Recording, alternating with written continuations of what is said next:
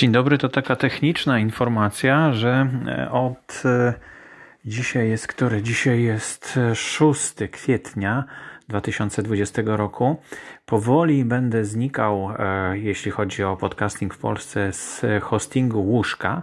Natomiast przeniosłem ten hosting na dwa inne e, pod e, hostingi, więc myślę, że nie będzie żadnego problemu, żeby ci, którzy subskrybują, żeby nadal subskrybowali to samo, bo w łóżce zaznaczyłem, że jest przekierowanie e, na nowy hosting do Akastu, ale również na Ankorze będzie można słuchać podcastingu w Polsce. Myślę jeszcze o tym, żeby dorzucić tutaj Mixclouda na przykład, tak dla bezpieczeństwa. No to koniec tej krótkiej e, informacji e, wstępnej, która jest też testem tego, jak można w Ankorze dodawać takie segmenty przed audycją. Do usłyszenia. Słuchacie 126 odcinka podcastu pod nazwą Podcasting w Polsce. Gorąco zapraszam mamy do czynienia z niezwykłym zjawiskiem. Oto radio, które od początku swojego istnienia znajdowało się pod nadzorem osób odpowiedzialnych za treści przekazywane na antenie, wymyka się spod kontroli, wpadając w ręce każdego, kto chce się wypowiedzieć publicznie, niezależnie od tego, czy ma coś do powiedzenia, czy też nie. Przed mikrofonem Borys Kozielski, witam serdecznie. Dzisiaj e, spotkanie nasze, naszą audycję zdominuje rozmowa z Agnieszką Bolikowską, która nagrywa swój podcast nie mając zupełnie sprzętu. Wyobraźcie sobie. I tak też można.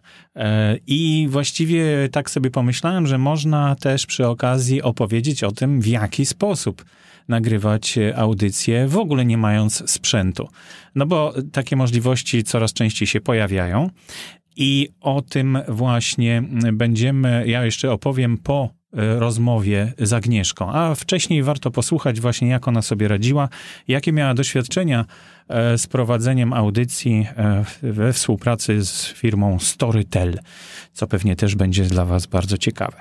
Ale na początku, zanim jeszcze ta rozmowa się zacznie, przypomnę, że mamy nadchodzące spotkania, aż cztery w lutym, czyli pobiło chyba to wszystko styczniowe spotkania. Trójkaster 19, 13 lutego E, w Sopocie. Zapraszam gorąco. Jeszcze są miejsca, bo sala jest duża i spotkanie jest nie tylko dla podcasterów, ale również dla e, słuchaczy podcastów. I Wrocław 13 lutego też się umawia na piwo. E, zobaczcie w grupie podcasting w Polsce są oba te wydarzenia zarejestrowane, można szybko odnaleźć, bo niedawno dodawałem udostępnienia, także powinny się łatwo znaleźć. Wawa Caster 19 lutego i łódzkie oblicze podcastingu 26 lutego. Bądźcie na bieżąco z tymi spotkaniami i jak tylko e, gdzieś jest wam blisko, to wpadajcie, bo to fajnie spotkać się na żywo. A teraz zapraszam już do e, tej rozmowy z Agnieszką Bolikowską.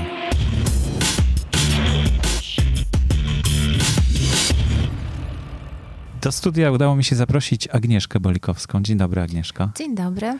Ty prowadzisz podcast, nie podcast, można powiedzieć, bo jest to podcast e, w Storytel, ale to nie jest podcast, który można sobie zasubskrybować z zewnątrz, prawda? To jest w platformie Storytela. No i bardzo jestem ciekaw Twoich doświadczeń, bo mm, jesteś pierwszą osobą, z którą spotykam się, która jak gdyby nagrywa dla Storytel. Miałaś pomysł na to, żeby nagrywać swój podcast, no ale zgłosił się do ciebie, zdaje się, właśnie ten audiobookowy Storytel tak? Jak to było dalej? Opowiedz.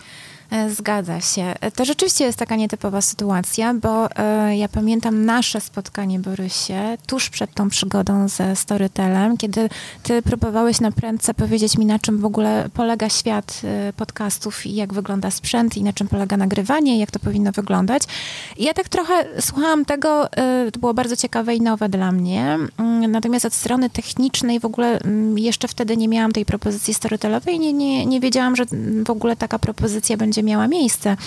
E, więc uczyłam się tylko mm, tego na zasadzie nowej wiedzy na temat nowego medium. Natomiast potem rzeczywiście okazało się, mm, jak napisałam moją książkę, e, że powstało dużo ciekawych wątków, które okazało się zainteresowały Storytela i e, dostałam wolną kartę, żeby taki podcast autorski zaproponować, przeprowadzić. Trochę na moich zasadach, co też jest niesamowite. No i tak to się wydarzyło, tak to się zaczęło. Ale gdzieś na początku tej przygody też jesteś, więc dziękuję ci za to. No cieszę się, że mogłem być. I teraz chyba próbujesz jak gdyby coś niezależnego zrobić, tak? Tak, bo to trwało, ta przygoda trwała e, no właściwie rok e, i to były podcasty, um, które miały angielski tytuł I Hear You, ale były nagrywane po polsku i to były rozmowy z Polakami, dziennikarzami, pisarzami, e, ciekawymi ludźmi, którzy kontynuowali trochę te wątki właśnie z mojej książki, bo ja miałam taką ogromną potrzebę, żeby o tych tematach z mądrymi ludźmi sobie jeszcze porozmawiać.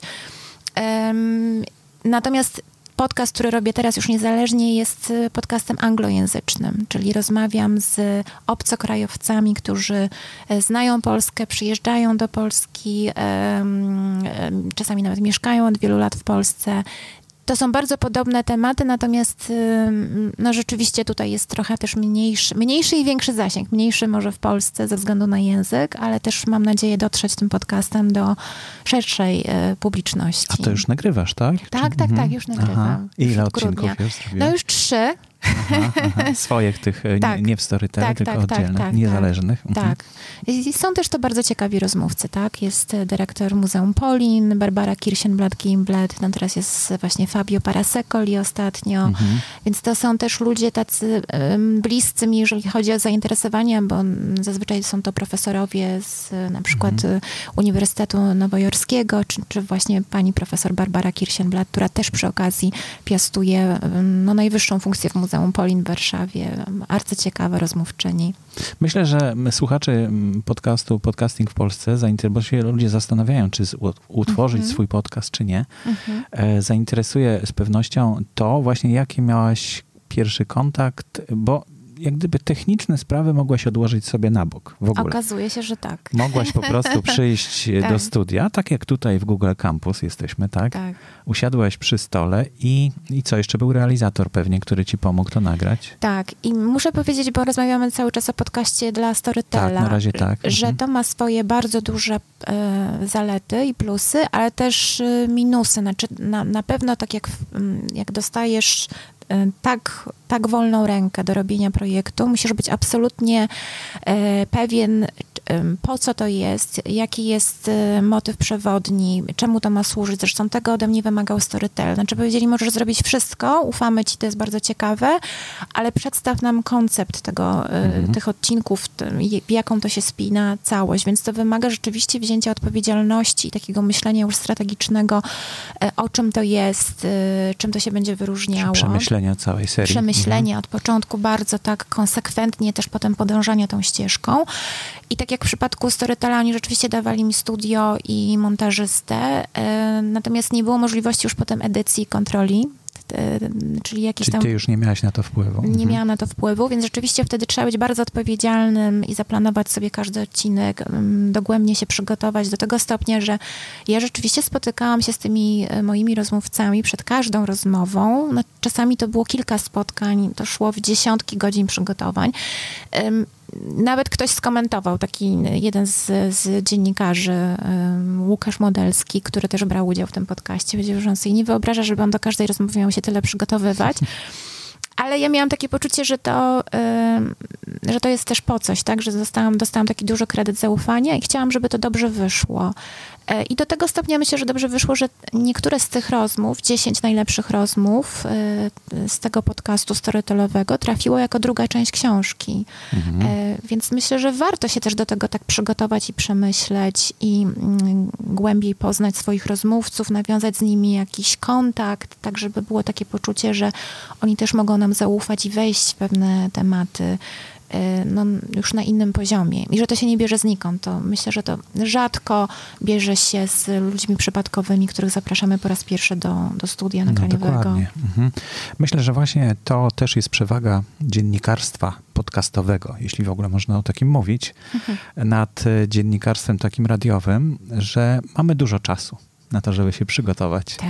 I e, bardziej tutaj ważna jest nasza marka, prawda? Bo ty, Mhm. no, przygotowując się, no, wiedziałeś, że będziesz to firmować swoim nazwiskiem. Tak. I, I to było dla ciebie ważne, bo jesteś też autorką książki, którą no, chcesz sprzedać, chcesz dotrzeć do Mhm. swoich e, odbiorców.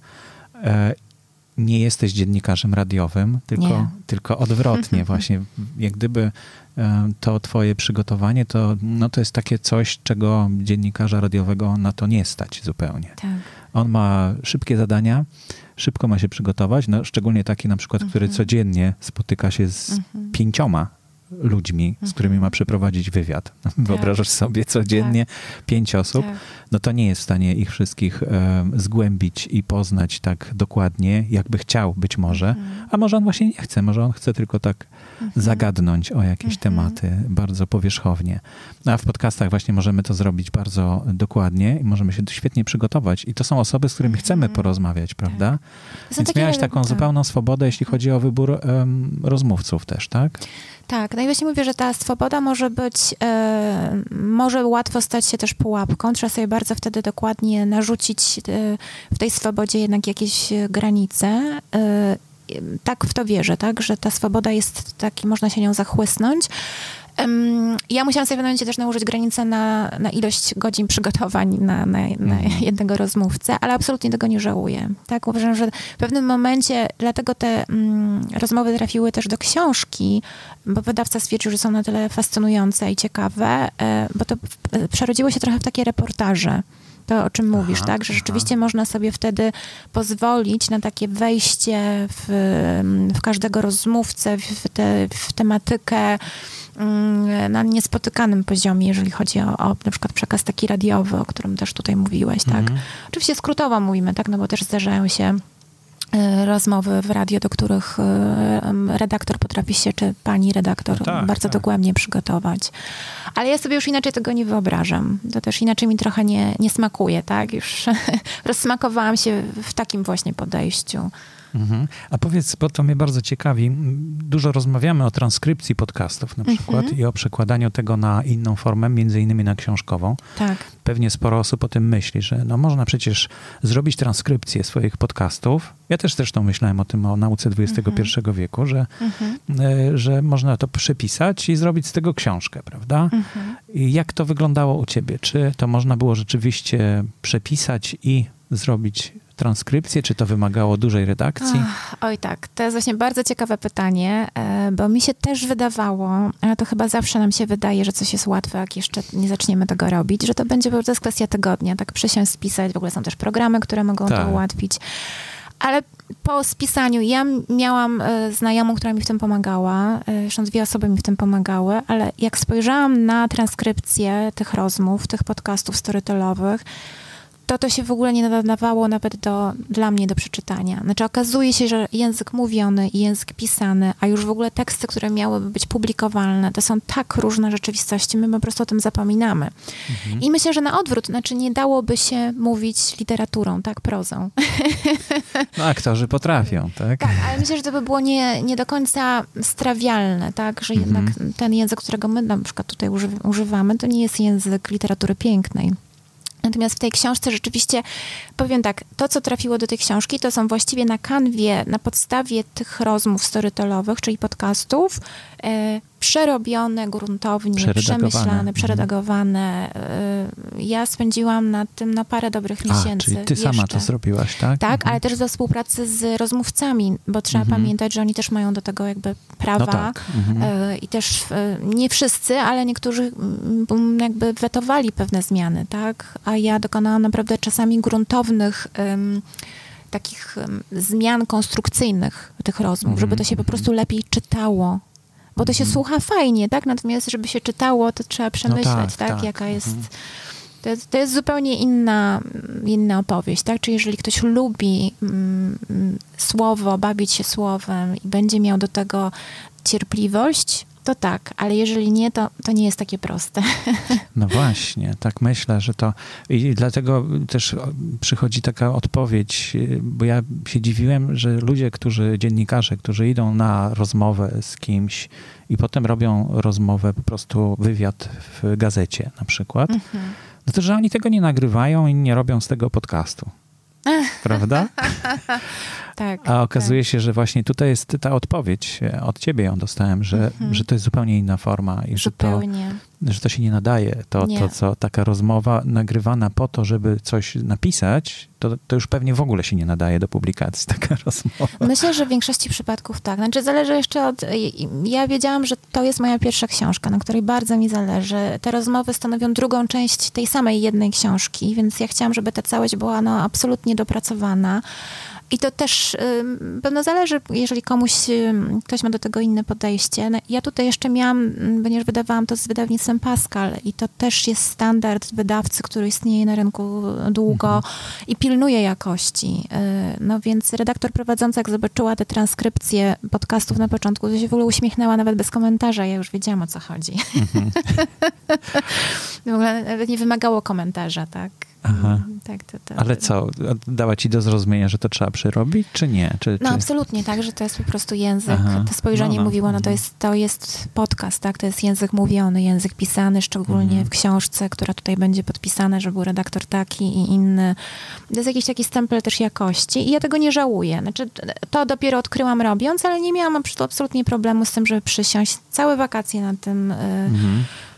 Spędziłam pracując. Na szczęście też trafiłam na bardzo fajnych rozmówców, przez to też chyba, że tyle godzin rozmów mieliśmy ze sobą. Było mi łatwo z nimi e, pracować już nad tekście Mhm. pisanym. To, to też było ważne, tak? Że myślę, że gdyby to była przypadkowa osoba z ulicy, której poświęciłam 20 minut i nagle odzywam się po roku, że, że tutaj chcę, żeby mi pomogła w zredagowaniu tego tekstu, to myślę, że to nie zawsze by mogło wypalić, tak? Mhm, mhm. Ale tutaj już była ta więź i to jest ważne. Myślę, że zawsze warto dbać o, o relacje.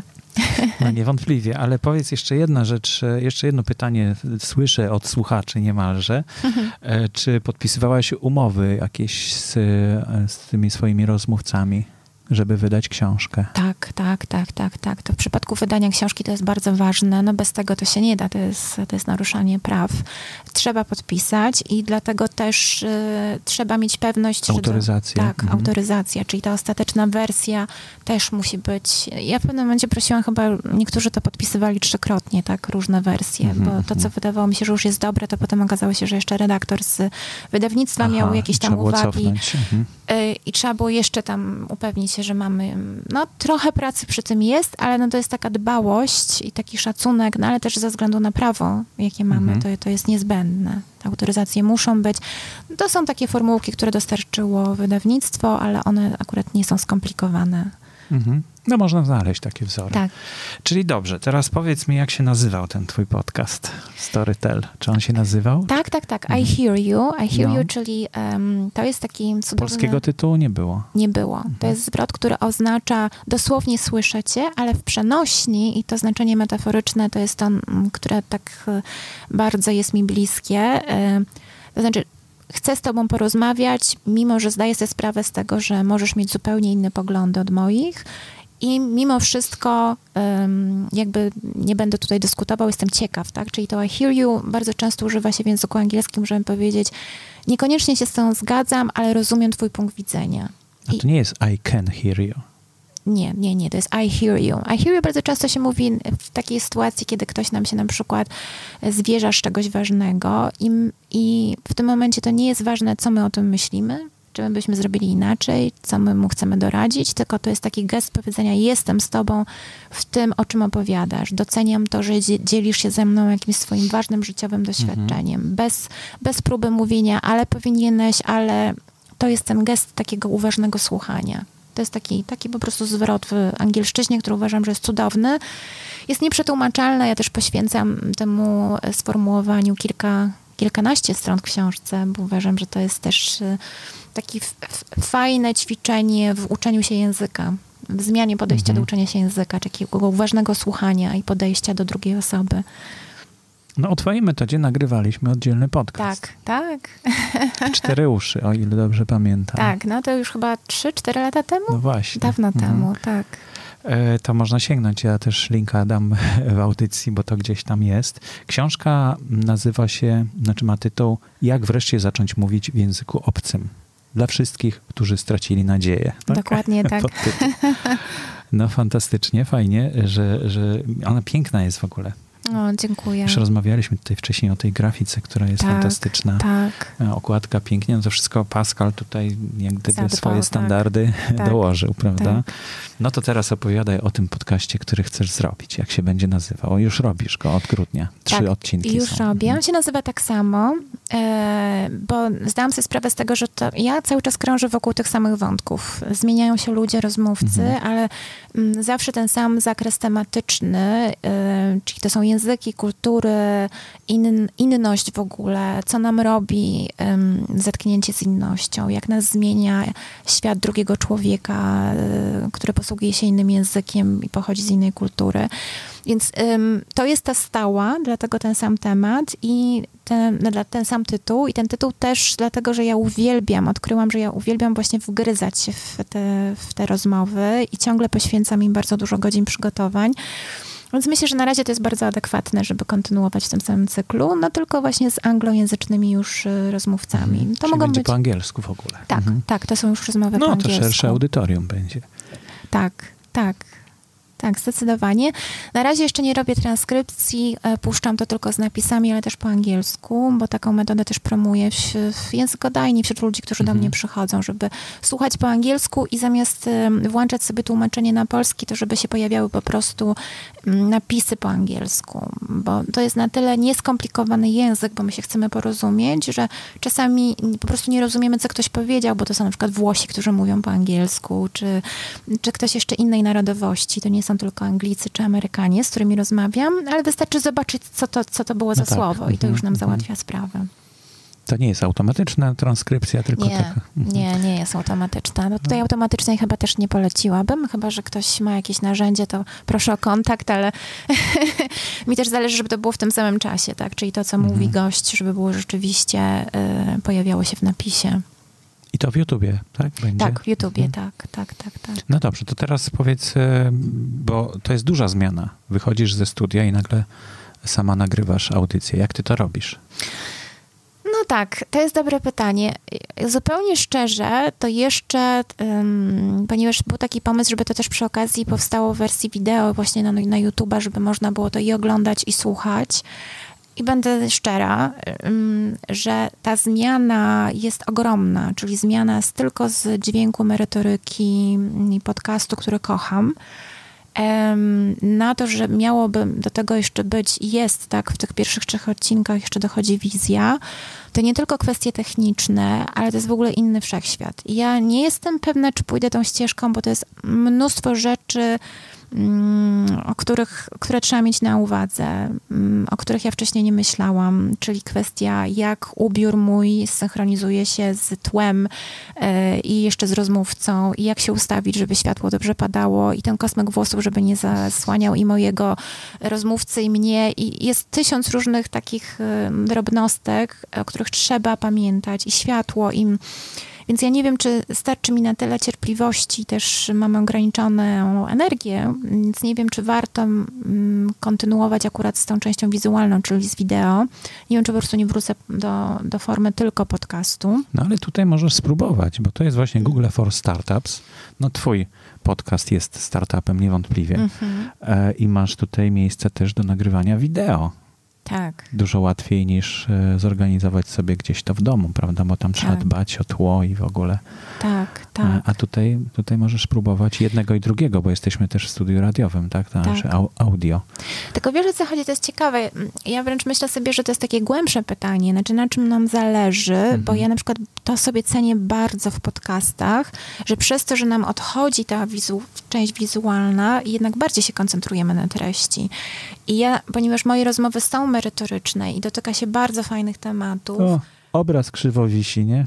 tak, ale właśnie, to jest niesamowite. I potem ty to nawet, ja to oglądam i myślę sobie, no nie no, już w momencie, kiedy wchodzi wizja w grę, czyli nagranie wideo, to merytoryka i treść naprawdę schodzi na plan dalszy. Rozprasza też, Rozprasza. nie? To, to, co, to, co, to, co widzisz, no, jak się nie, nie skupisz odpowiednio na tym, co ktoś mówi, no to tak możesz zwrócić uwagę, że no rzeczywiście, a jaki ten kwiatek dziwny, tak na przykład w tle jest. I jest takie, zadaję sobie ciągle, jestem z tym pytaniem, nie mam na to jeszcze takiej e, jednoznacznej odpowiedzi, czy ja chcę, żeby to się kręciło wokół tego, czy właśnie, że ten kwiatek to... No nie chcesz, to jest wiadomo już.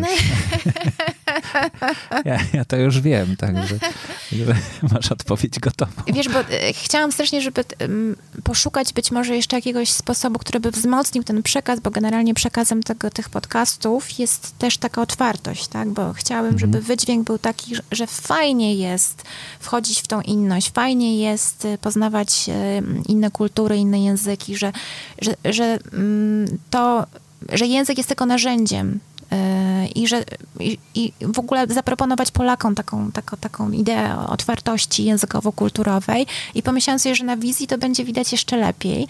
Natomiast myślę sobie, że w podcaście też to można oddać. E, Właśnie uśmiechem, śmiechem, Mhm. pewnie, że, że to tak. też słychać, Mhm. tak? My wiemy dobrze, że to słychać. Dokładnie. Także no, już masz wytyczne, już wiesz, co zrobić. Tak? O, dziękuję ci. Ale teraz mierzysz się też, e, no to jak nagrywałaś te podcasty do tej pory, bo nie odpowiedziałaś mi w końcu na tak, pytanie. więc miałam, wiesz co, e, znalazłam w ogóle ekipę, która nagrywała mi jednocześnie i dźwięk, i i wideo. Aha. Tylko to było bardzo, bardzo pracochłonne i było mnóstwo ust- ustawień, ustaleń technicznych. Mhm. To właśnie o, o czym mówię.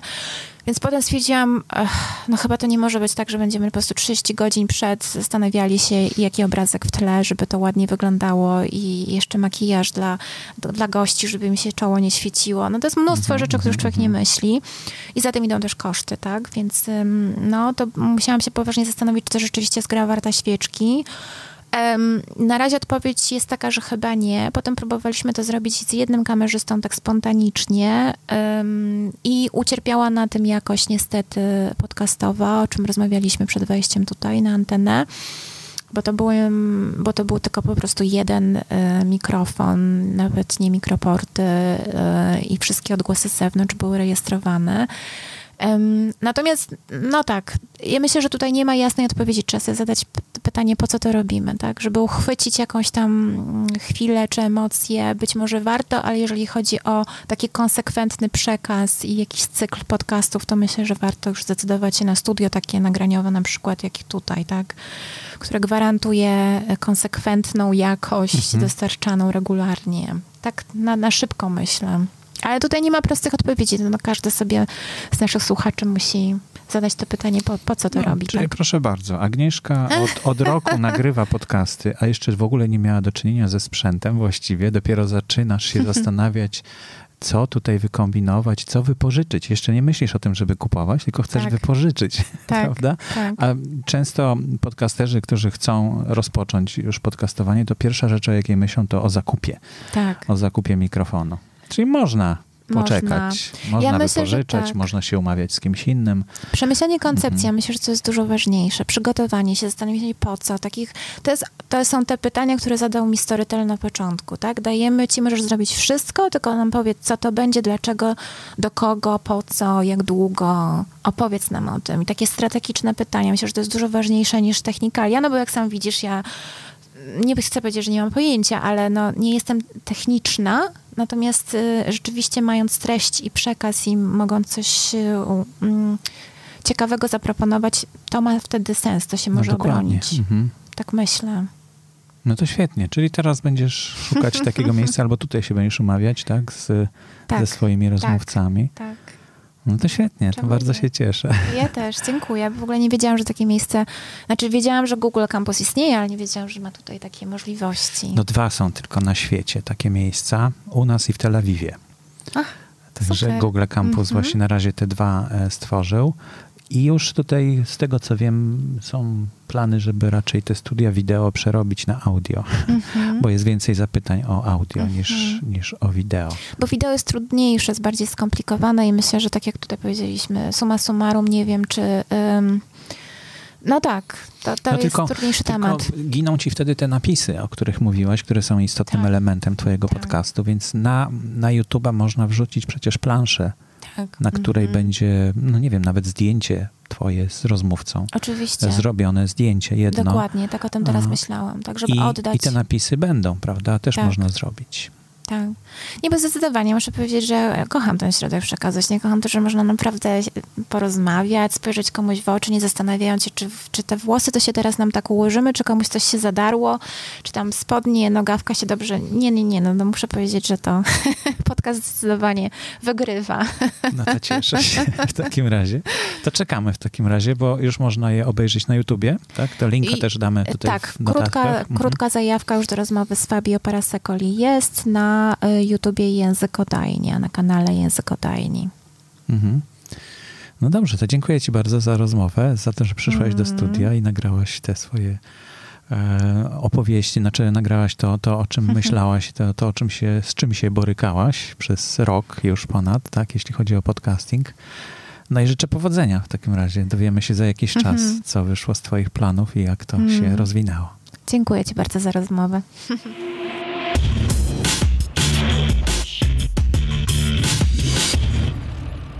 Wiem, że jest bardzo, bardzo dużo takich właśnie mm, redaktorów, takich osób, które chciałyby nadawać swój podcast, wykorzystać to narzędzie, a nie wiedzą kompletnie, jak to się robi. I coraz więcej jest możliwości, żeby w ten sposób e, nagrywać swój podcast. Bo do tej pory były takie możliwości, ale trzeba było pójść do radia. W radiu, proszę bardzo, siadasz przed mikrofonem, i realizacja zajmuje się całą resztą, prawda? Podobnie Agnieszka miała tutaj e, w Storytelu, gdzie przychodziła po prostu z umówionym gościem e, do studia e, i też właściwie resztą się nie zajmowała. A teraz, jak próbuję znaleźć swoje miejsce w podcastach niezależnych, no to już zaczyna, zaczyna myśleć o tym, jak to zrobić. E, fajnie, że jest takie studio e, w, Google Campus, że można z niego skorzystać. Oczywiście nie wszyscy, tam są pewne warunki, tam musicie się z tym zapoznać, jeśli chcecie, ale powstają też takie miejsca, w których można, e, do których można przyjść i nagrać coś z pomocą realizatora. To są studia radiowe i na przykład audiobooki takie studia udostępniają czasem. O ile pamiętam, firma, która produkuje, mm, produkuje Biblię mm, audio, też udostępnia, wyleciała mi w tej chwili nazwa z głowy mm, tej firmy, e, udostępnia swoje studia, ale tam jakoś trudno było się dogadać, trudno było się umówić, dlatego nie trafiła ta firma i te studia na listę e, takich miejsc, w których można nagrywać. E, i z realizatorem to jest zdecydowanie drożej. Także no, jeśli ktoś by chciał e, skorzystać z takiego studia radiowego, wiem, że też na ulicy Konwiktorskiej są takie studia, do których można się zapisać odpłatnie, ale to jest bardzo droga impreza. E, natomiast e, można również pomyśleć o tym, żeby wynająć po prostu miejsce, w którym jest cicho. I to najczęściej są sale prób, tak zwane. E, sale prób, tylko że w tych salach prób często nie ma stołu, przy którym można usiąść.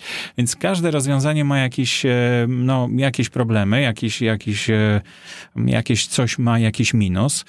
To studio w Google Campus jest samoobsługowe, więc tam się po prostu przychodzi, jeśli się jest umówionym na wynajęcie tego studia. Bierze się po prostu swoją kartę e, SD, wkłada do tego fantastycznego miksera Zoom R16, no i potem wychodzi się już z gotowym nagraniem właśnie na tej karcie.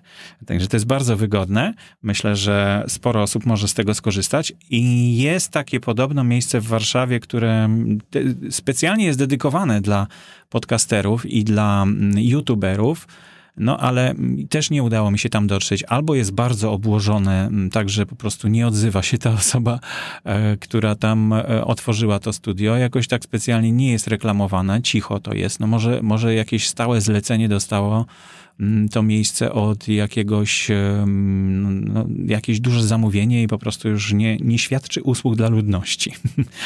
E, I no, to są takie miejsca. Można też próbować w różnych rozgłośniach e, studenckich. Przy okazji można pogadać o tym, żeby zrobić tam audycję dla nich, czemu nie. I to są właśnie takie miejsca. Pełną listę tych miejsc możecie znaleźć w naszej grupie Podcasting w Polsce.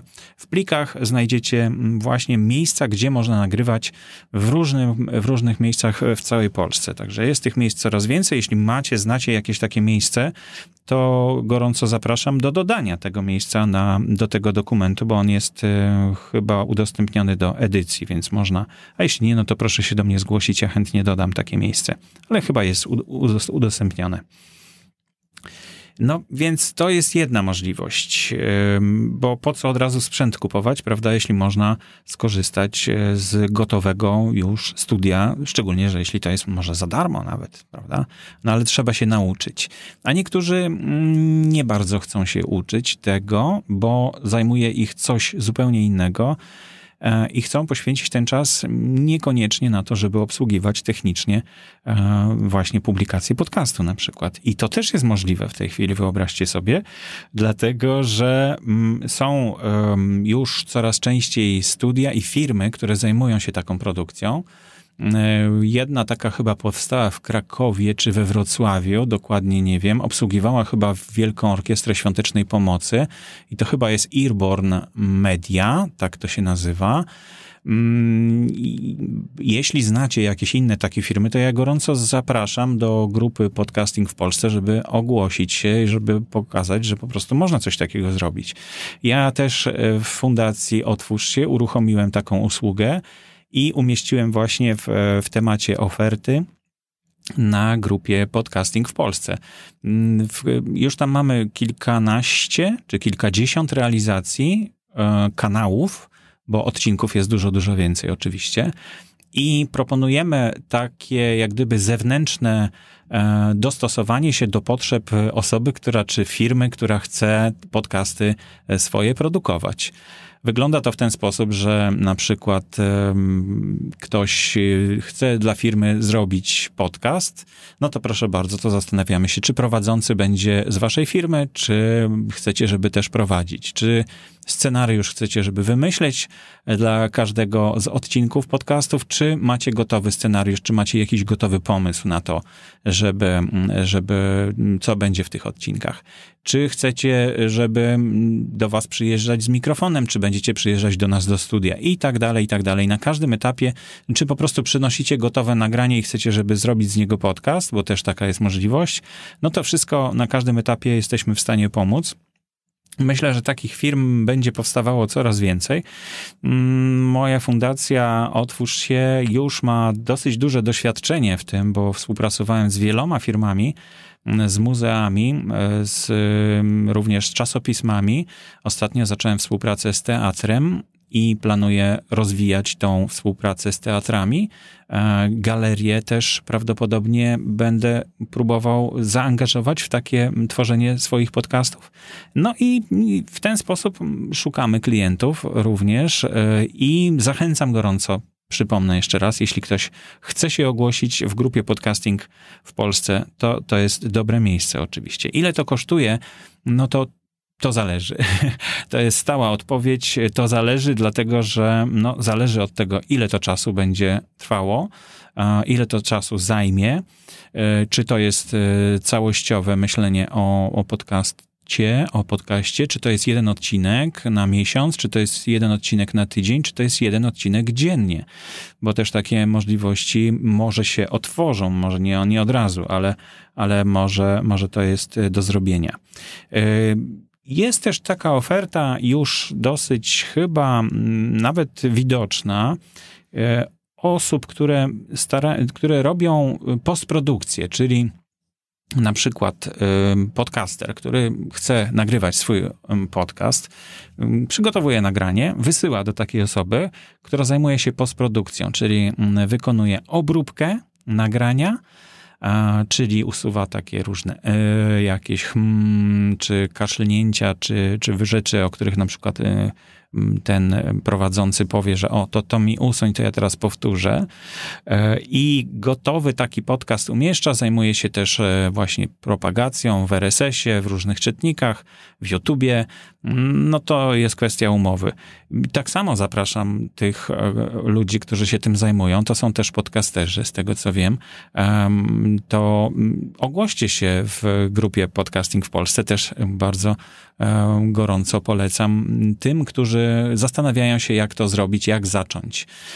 Moja fundacja proponuje takie rozwiązanie, też zresztą sprawdziliśmy ten model e, na osobach, które no, chciałyby same prowadzić, ale nie wiedzą, jak to zrobić, więc ja kilka odcinków poprowadziłem e, sam i po takim rozbiegu okazało się, że jest chętny, który poprowadzi kolejne odcinki. Ja się zająłem już w fundacji tylko obróbką i przygotowaniem podcastu do publikacji i opublikowaniem go w internecie. To jest podcast, który nazywa się Implanty, Stomatologia, Nauka i Biznes możecie posłuchać pierwszych odcinków i zobaczyć, jak to fajnie przeszło w taką działalność już e, tej firmy, czyli Stowarzyszenia, e, Stowarzyszenia Stomatologii. Ja już nie pamiętam w tej chwili, OSIS to się nazywa. Ogólnopolskie Stowarzyszenie Mm, ogólnopolskie w każdym razie. Dobrze, to chyba wszystko, wszystkie tematy na dzisiaj. Oferta mojej fundacji jest dostępna na stronie otwórzsie.org.pl ukośnik podcasty. Przypominam, nie podcasty, tylko podcasty. otwórzsie.org.pl ukośnik podcasty. I to już wszystko w dzisiejszej audycji. Bardzo dziękuję za uwagę, za wysłuchanie tego odcinka. Gorąco polecam się do słuchania kolejnych odcinków. Mm, być może jeszcze w tym tygodniu. Jakoś ostatnio bardzo często są odcinki podcastów. Zobaczymy. Y, na pewno w tym tygodniu jadę do e, Trójmiasta, do Sopotu. Możliwe, że tam coś nagramy po spotkaniu e, z podcasterami i ze słuchaczami podcastów. Do usłyszenia w przyszłym tygodniu albo jeszcze w tym.